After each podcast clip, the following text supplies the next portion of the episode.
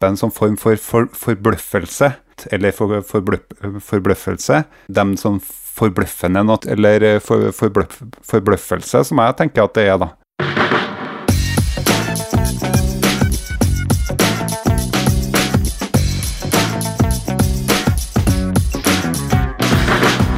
Du hører på Psykologlunsj, populærvitenskapelig lunsjprat med psykologene Tommy, Jonas og Jan Ole.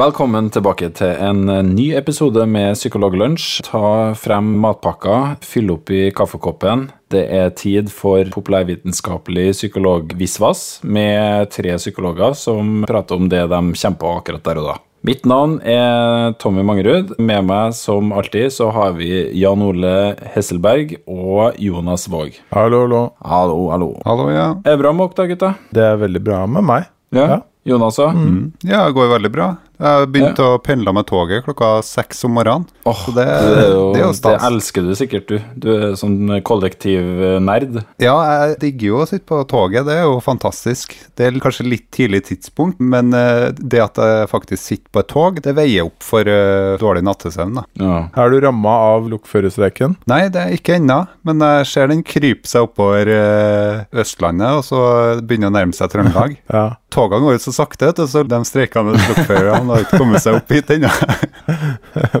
Det så kommer buss, buss for tog på siste strekningen. Ja. Jan Ole han bor jo så langt unna, han bor jo helt nede i Drøbak. Men jeg har jo truffet Jan Ole opptil skulle si, nesten flere ganger i uka i det siste. Det har vært kjempetrivelig. Du har frekventert veldig bra. eh, trønder, eh, eh, Jan Ole. Vi hadde jo tiårs-reunion. Ja. Det vet ikke våre lyttere ennå, men det var, veldig, det var veldig gøy. Ja, Det er ti år siden vi eh, gikk ut fra studiet, fra psykologistudiet, og så hadde vi ja. sånn gjenforening, da, såkalt reunion, i Trondheim. Hvor alle sammen møttes. Det var kjempe, kjempehyggelig. Ja, og Det var veldig litt som hadde forandra seg. Veldig, Det tok ca. 2 12 minutter før alt var som det vanlige, som det gamle. Annet enn studentene, som har blitt veldig mye yngre enn det de var eh, Ja, da vi var studenter. ja. Sånn som skjer, har jeg hørt. Men um, vi har som alltid fullspekka program med godbiter fra psykologiens verden. Eh, det er bare å glede seg, alle lyttere. Ja, Jonas, du har liksom satt opp en sånn der diverse post i dag. Du, du skal snakke om eh, massevis av ulike studier som har blitt replikert, altså gjennomført på nytt, og sjekka om gamle forskningsresultat fortsatt holder vann. Yes. Det gleder vi oss veldig til, men først så skal Jan Ole ta for seg noe veldig samfunnsnyttig eh, info som en skal dele ut til folk. Nemlig lønner det seg egentlig å ha på seg hjelm eller ikke når du er ute og sykler? Ja. For det har det jo faktisk vært litt sånn diskusjon om i forskningsverdenen. ja, men har dere hørt påstanden om at det ikke har noen helseeffekt å bruke hjelm? Altså, det beskytter deg ikke mot skader? Er det noen som har hørt den påstanden? Det har jeg hørt. Ja, var ikke en danske som var ute og snakka om det ganske nylig òg? Jo, det er en danske som har eh, vært veldig mye ute og snakket om det. og Han har- startet en forening som heter Sykkelhjelm, eller nettside, hvor eh, egentlig det går ut på, veldig mye ut på å hevde, påstå at det ikke er lurt å bruke hjelm, og det ikke er noe vits i å prøve å få folk til å bruke hjelm. Og dette skrev Morgenbladet om eh, for et års tid siden også. Og ingressen var 'Helseeffekten av hjelmbruk er tvilsom'. Ja. Og så tok de for seg en del forskning som eh, antydet at det ikke stemte, og blant annet også refererte de til han dansken som ikke er en forsker i det hele tatt. Han er bare en som har engasjert seg veldig i dette. Ja. Og så ble jeg oppmerksom på en studie, en stor studie som har blitt publisert nå nettopp, som adresserer dette spørsmålet, og som antageligvis er den beste kunnskapen vi har på det nåværende tidspunkt om hjelmbruk. Men la meg aller først si litt om hvorfor man tenker at hjelmbruk, altså å ha på seg sykkelhjelm, ikke fører til eh, færre skader. Så det har vært litt forskjellige hypoteser på det. Ja. Altså Det man har sett, er at det er noen steder hvor man har innført påbud med hjelmbruk, og så har man sett at skadestatistikken har eh, gått opp etterpå. Ok. Det intuitive er jo å tenke at det å ha en hjelm på hodet når du er ute og sykler, er veldig, veldig lurt. Når du Ja, sykler sant? av og slår deg. Ja, Hvis du ber folk om å sette seg på sykkelen, og så krasjer den sykkelen, Ja. så vil nok de aller fleste Foretrekke å ha hjelm. på hodet. Ja, hvis de kan velge det. Men eh, så har man da lurt på hvorfor er det sånn. Mm. Hvordan kan man forklare dette? Og da har man eh, hatt eh, en antakelse som kalles risikokompensasjon. Mm. Eh, en teori, da.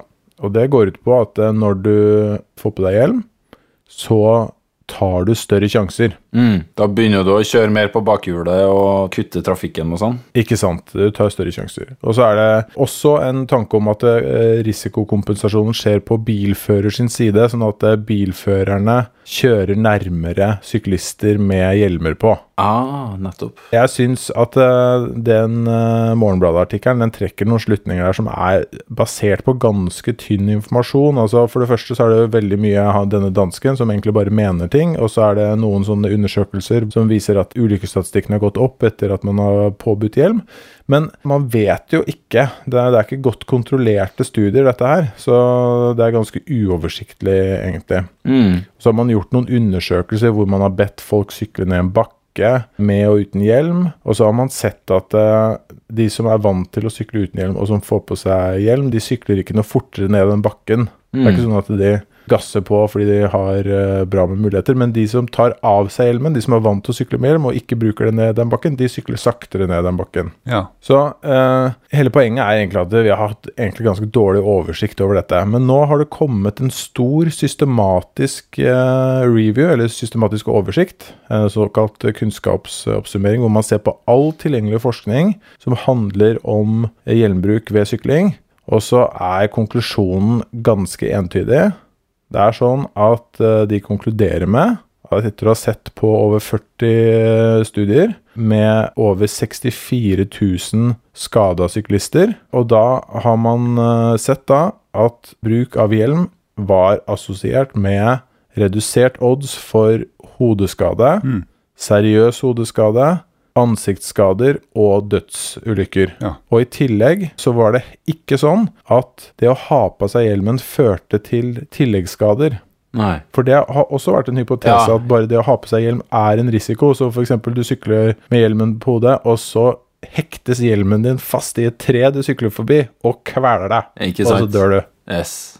Eller at, uh, at hjelmen fører til, i fallet, at den fører til at du får en nakkeskade som du ikke ville ha fått hvis du hadde ikke hatt hjelm. Så de finner heller ikke noe grunn til å anta det. Så de konkluderer veldig tydelig med at det å bruke hjelm, det skal være en del av strategien for å få folk tryggere på sykkel. Jeg tenker at Historikken i hvordan denne forskninga har foregått, er også et godt eksempel på hvor interessant det er å se at diskusjonsdelen i artikler blir sannheter. For at du gjør jo undersøkelser, så får man noen resultat, og så prøver man å finne ut av hvorfor Hvorfor er det sånn? Og der dukka jo dette her med den økte risikoatferden opp, ikke sant? Som Nettopp, en mulig ja. forklaring på at uh, de tallene er som de er. Ja. Og så har det blitt en sannhet i media og blant folk flest. Ja. Det er veldig veldig interessant, det der. For det har jo nettopp, som du sier, det har vært en teori, dette med risikokompensasjon, men han har aldri hatt noe sånn gode hold for å si at det, det er det som skjer. Og nå er det jo ganske tydelig at det, antageligvis er det ikke det som skjer. Men jeg har også hørt det som en sannhet at når du får på deg den hjelmen, så tar du større sjanser. Og jeg har alltid tenkt at det er noe rart med det, fordi det er såpass gode insentiver for å ikke krasje den sykkelen selv med hjelm på. Ja. Eh, Det er ikke sånn at eh, du bare ja, nå, kan jeg, nå kan jeg bare legge meg skikkelig ned i svingen og bare ta skikkelig store sjanser fordi at jeg har hjelm på, og da vil jeg ikke slå meg når jeg detter. Jeg har ikke lyst til å tryne på den sykkelen, Ja. uansett om jeg har den hjelm på eller ikke.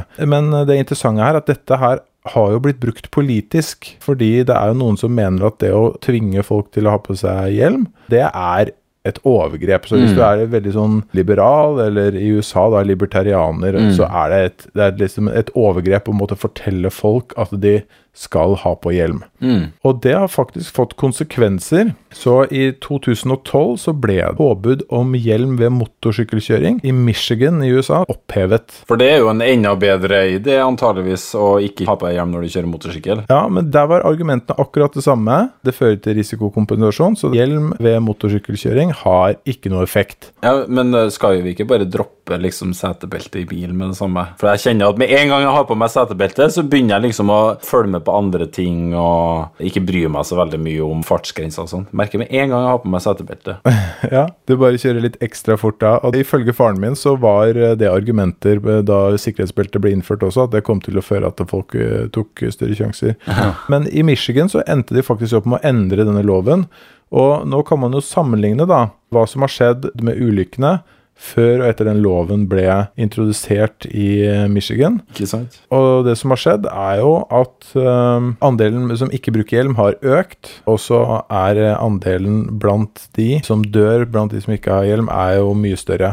Så vi- det er ganske entydig at den loven har ført til flere unødvendige dødsfall, flere unødvendig alvorlige hodeskader. Og jeg tror vi ganske trygt kan si at det er ganske lurt at folk som beveger seg i eh, høy hastighet på tohjul, bør ha hjelm på hodet. Og så kan man selvfølgelig diskutere om det bør være påbud på sykkel eller ikke.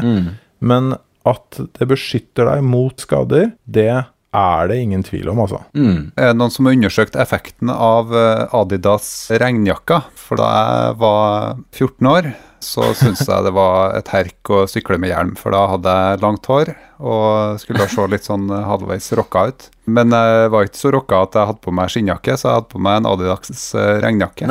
Og så vokste jeg opp på Tyholt, og for folk som har vært i Trondheim, så er Tyholt på toppen eh, på ene sida av eh, Altså Trondheim ligger som ei gryte, og så har du Byåsen på ene sida, og så har du Tyholt på andre sida. To store åser. Og så var skolen min sånn halvveis ned i bakken eh, ned mot byen. Og da sykla jeg i full fart eh, nedover den eh, bakken. Selvfølgelig da med hendene i lomma og ingen hender på styret, sånn som jeg brukte å gjøre. Og med hjelmen hengende på styret, da, for den ville jeg ikke ha på hodet. Og da var det plutselig en bil som rygga ut og traff meg, sånn at jeg falt av sykkelen og fløy. Men heldigvis hadde det duskregna den dagen, så på asfalten så var det ganske bløtt. Og så hadde jeg på meg en regnjakke som tydeligvis da ikke ga noe friksjon i hele tatt. Så det som skjedde, det var bare at jeg glei som en curlingstein nedover bakken, uten at hodet mitt traff ned i asfalten. Og det første jeg gjorde eh, da jeg reisa meg opp, eller kravla meg opp, da, det var å gå og ta på meg hjelmen. Så, så kanskje en kombinasjon av hjelmbruk og, og Adidas eh, regnjakke kan være beskyttende, det òg. Veldig merkelig bilde jeg fikk i hodet av Jonas som en slags sånn Mario-skilpaddeskall opp ned, skliende nedover fra Tyholt med sånne folk med sånn kost, som koster liksom veien foran deg nedover der. Ja, for det er det bildet jeg sitter igjen i hodet av deg òg, altså. Det er litt sånn eh, Kanskje takket være Mario at jeg har et sånn koselig bilde av det i hodet. Det var, Kanskje var kanskje ikke den beste opplevelsen sånn, eh, sånn sett, da. Var litt sånn eh, sjokka Men var det ned den der superbratte bakken eh, fra Tyholt, eller? Ja. Det, det var en av de eh, bratteste. Oi. Jeg er veldig glad for at det gikk bra med hodet ditt, Jonas. Ja, det, det uh, Jeg vet jo ikke, da. Det kan hende at jeg har, har amnesi og ikke vet uh, altså at jeg faktisk skada hodet mitt. Og at Psykologlunsj er et sånt tiltak. Et Nav-tiltak. Det er kanskje det. Det skulle du ikke si, Jan Ole. Nei, Det står i kontrakten. vi ble enige om det.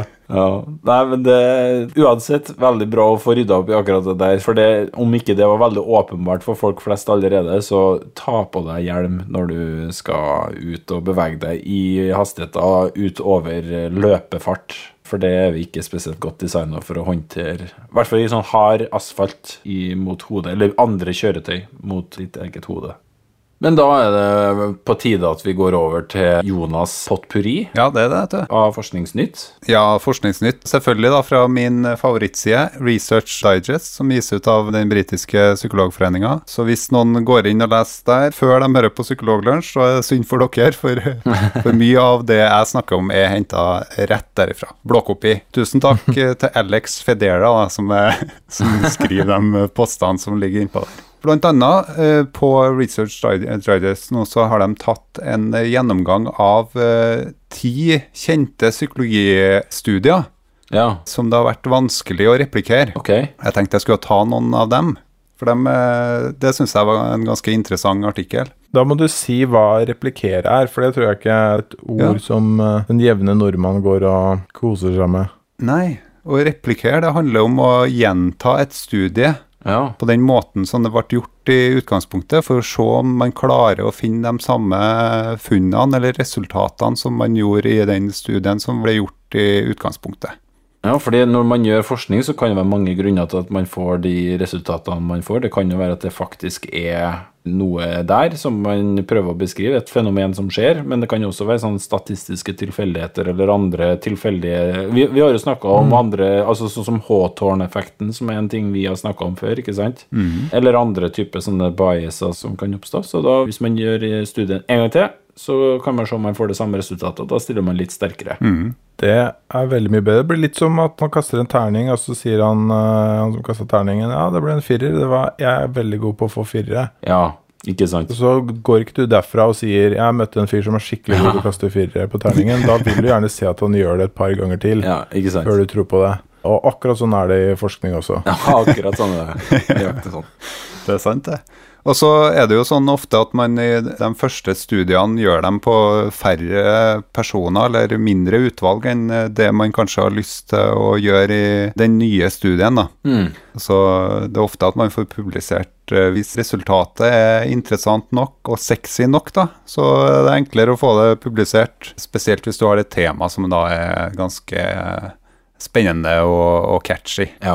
for å bruke forskningsspråket. ja. Og Derfor tenkte jeg jeg skulle ta for meg det, det første her, da, som er, og det har blitt veldig populært på TED Talks òg. Det er den tanken om at eh, måten du står på, påvirker deg både med tanke på hvordan du gjør beslutninger, og at du føler deg tøffere i beslutningene dine. ja. Noe som kalles power posing.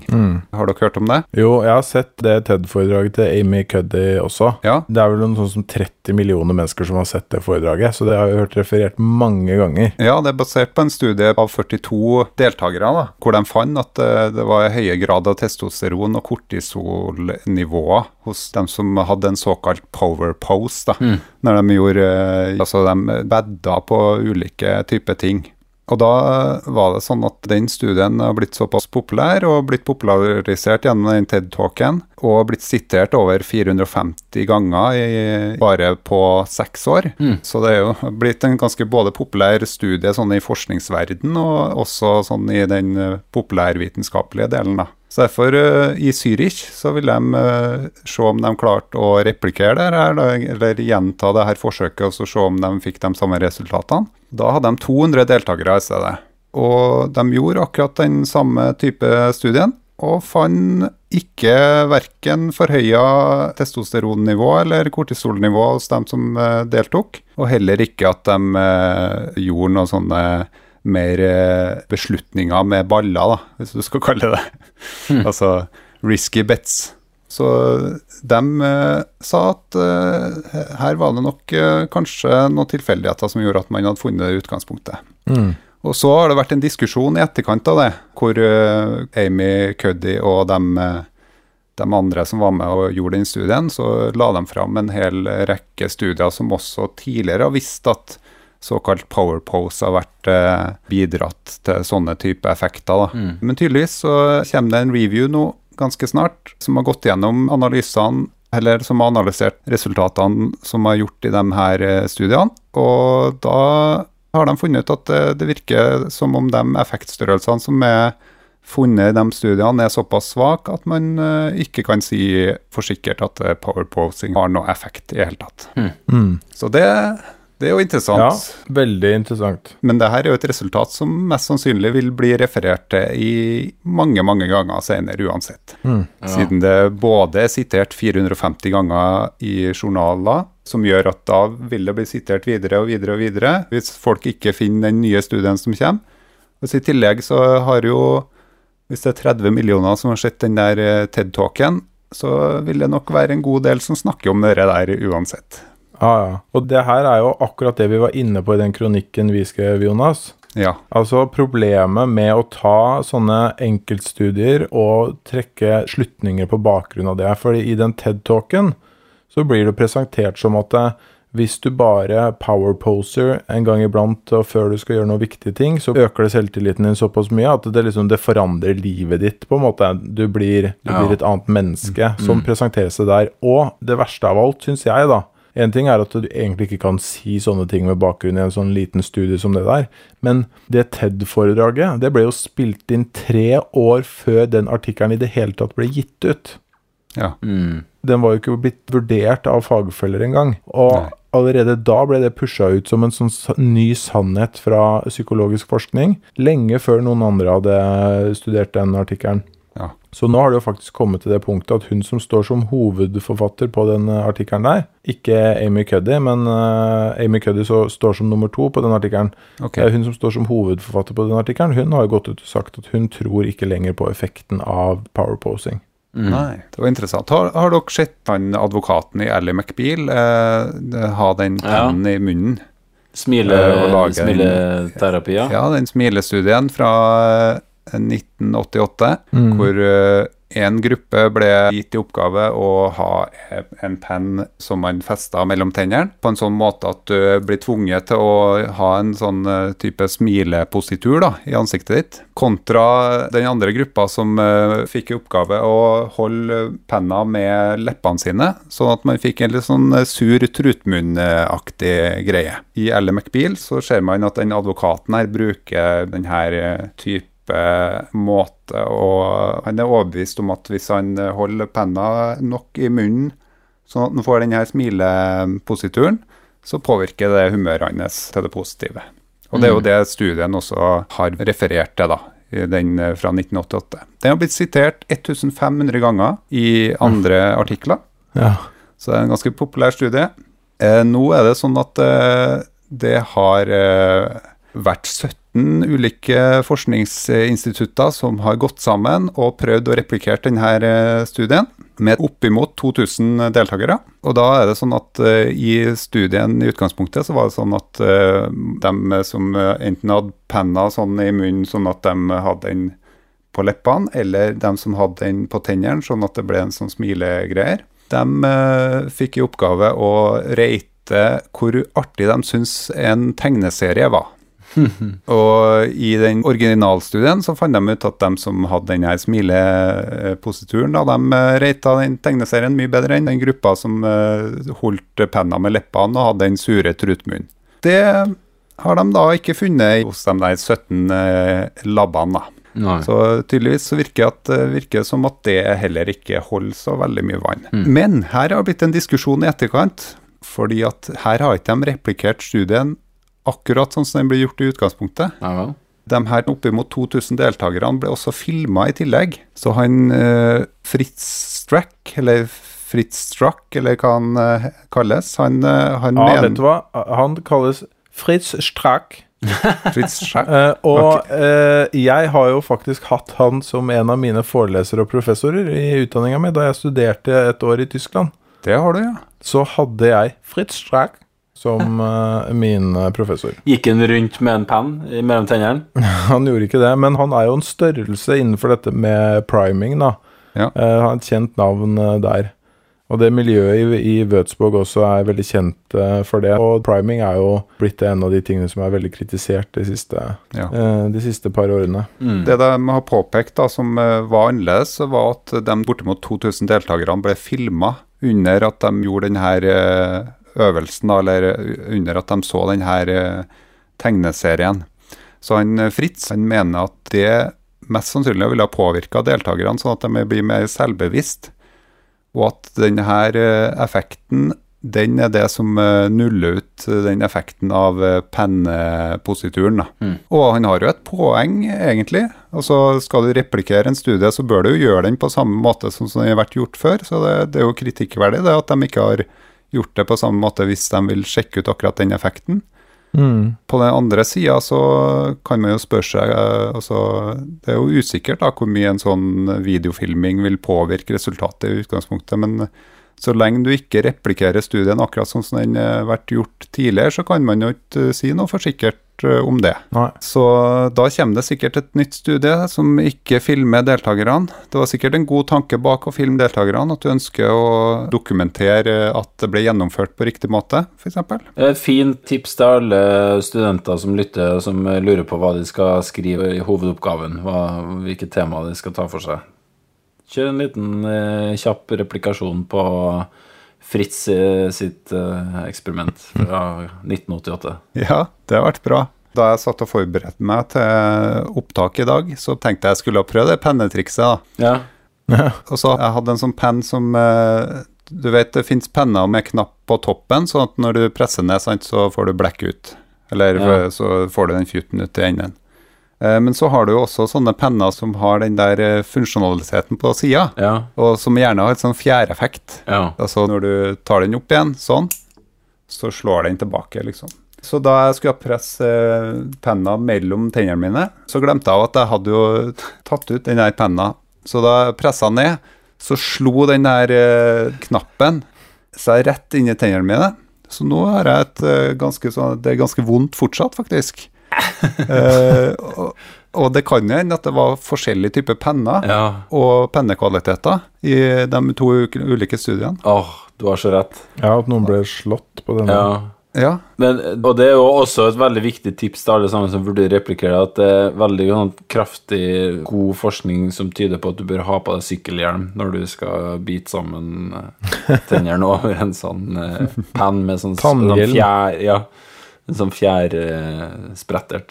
Det som er artig med den studien her, er jo at vi har jo snakka om den her facial feedback-hypotesen ja. i et tidligere program. Og bare for ei uke siden så snakka jeg om det på en av forelesningene mine på universitetet, som jeg underviser på.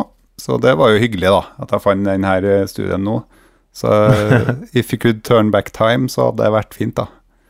Jeg pleide å ha med den studien i foredragene mine, faktisk. Men da dette med sosialpsykologien og, og vanskeligheter med replikasjoner og sånn begynte å dukke opp, så mistenkte jeg at den kom til å stå litt for fall, så jeg fjerna den faktisk for to-tre år siden. Ja. Så fjerna jeg den studien fra foredragene mine. Så den eh, jeg, bare, jeg, jeg håndterte det der litt bedre enn deg, Jonas. er bra. Det er bra. jeg, så, jeg så det komme. For du er en sånn person som er flink på trill firere på yatzy-terningen, du, Jan Ole? Yes. Oh yes.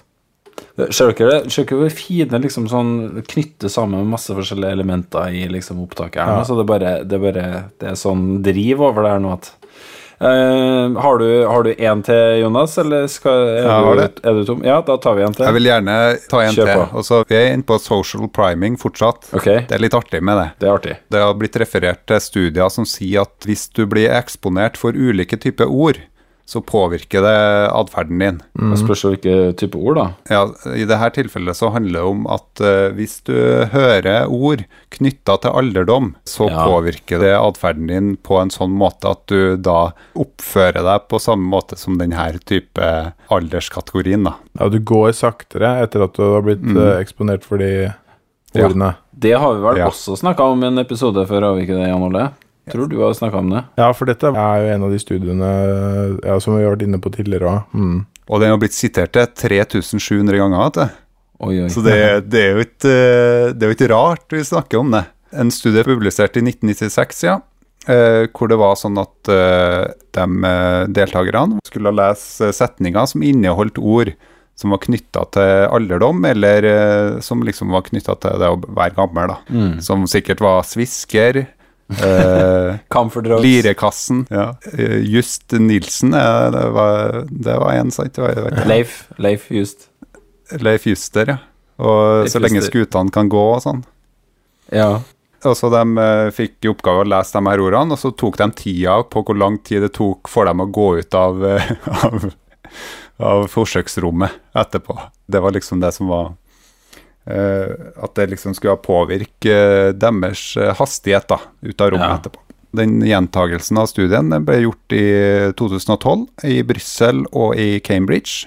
Og da gjorde de det samme, og fant ikke noe effekt av eh, at du blir eksponert for uh, uh, altså ord som er knytta til alderdom, da. Mm. Sånn som uh, Ja, skal vi se eh, Podagra. Mm, ja, og sånne type ting. Sånn, eh, ja. Men det, det er sånne studier som er nesten sånn man blir litt sånn lei seg for at de viser seg ikke stemme, for de er så, Ja. de er så morsomme, og de er så, de er så bra eksempler på liksom sånne finurlige Det man tenker er sånne finurlige psykologiske effekter. Ja, og det er derfor de har fått så stor spredning. Mm. eh, At folk, det er så mange som har hørt om det også. For det er, det er festlig å fortelle om det, og det er, høres litt sånn utrolig ut i utgangspunktet. Og nå Mm. er det jo en del som tyder på at det kanskje var litt for utrolig, da. Ja.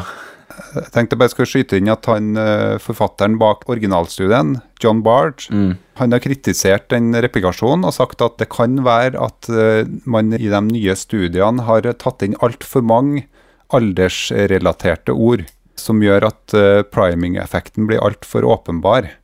Vet du hva jeg lurer på om vi skal gjøre nå? Nå tror jeg noen må gjøre en forskning snart på forskere som blir eh, falsifisert, eller som blir eh, gjort til skamme i sin forskning, hvor effektive de er på å rasjonalisere eh, seg ut av de nye forskningsresultatene. Men det er jo en koselig studie. Det er jo, det er jo, det, det er jo nesten som en sorgprosess det, om å gi, fra seg sånne typer, for det er jo fun facts. Ja, skikkelig. Absolutt. Er det noe du også har plukka ut av foredragene dine, Jan Ole? John Barge? Ja, jeg hadde med den også. Den var jo en av de første hvor man så at det var litt vanskelig å få gjentatt det. Mm. Det som jeg bare har lyst til å si, da, det er at eh, når man hører begrepet priming, det er et etablert begrep i eh, psykologien som Mm. handler om at man kan liksom påvirke folk litt grann med et eh, utgangspunkt, og så påvirker det hvordan du oppfatter noe eller håndterer noe etter at du har fått denne påvirkningen. Og det er et etablert Mm. begrep som eksisterer. Så det man diskuterer her, er den såkalte sosiale primingen, hvor man påvirker atferd i ganske stor grad, bare ved å nevne noen sånne ord, f.eks. Mm. Men priming i utgangspunktet, det må ikke folk oppfatte som sånt uh, noe som er motbevisst. For et eksempel på det er hvis jeg sier kake, fløte, kaffe til dere, Mm. så reagerer ikke dere spesielt på kaffe. Men hvis jeg hadde sagt kake, fløte, mord, Mm. så hadde dere reagert på en annen måte på mordet. Hadde dere, Merka ingenting, dere, jeg. dere hadde brukt Hva sa du? Merka ingenting. Nei, ingenting. Så i det tilfellet her så handler priming om at altså, kaffe passer med det du allerede har etablert som en ramme, Mm. mens mord passer ikke inn i den rammen og vekker en overraskelse hos deg. Men mord ville ikke ha øh, vekket en overraskelse hvis jeg hadde sagt eh, drap, kniv og så mord, for Mm. eksempel. Eh, Så det er en annen type priming, så man, eh, man må ikke tenke at det begrepet i seg selv er, er noe som er feil. da. Nok et eksempel på at eh, psykologien er ganske messig fagfelt å gjøre forskning på. Og igjen, som jeg tror kanskje de faste lytterne har oppfatta nå, at vi eh, har hatt mye fokus på at det å gjenta og replikere sånne studier, spesielt innenfor sånn type sosialpsykologi, men også andre grener av psykologien, er ganske viktig. Fordi det er så mange faktorer som påvirker, og det er så mye muligheter for at resultat kan oppstå som ikke er de virkelige resultatene. Da. Sånn at man er nødt til å være helt, helt sikker på at eh, faktaene er reelle. da. Skal vi si det sånn, gutta, at vi begynner å så smått å krølle sammen matpapiret, kaste i søpla og tømme ut den siste kaffeskatten og si at eh, nå er det på tide å komme seg tilbake på jobb igjen? Ja. Takk for en eh, hyggelig lunsj, gutta, og til alle dere lyttere så høres vi igjen om et eh, par uker. Hei så lenge.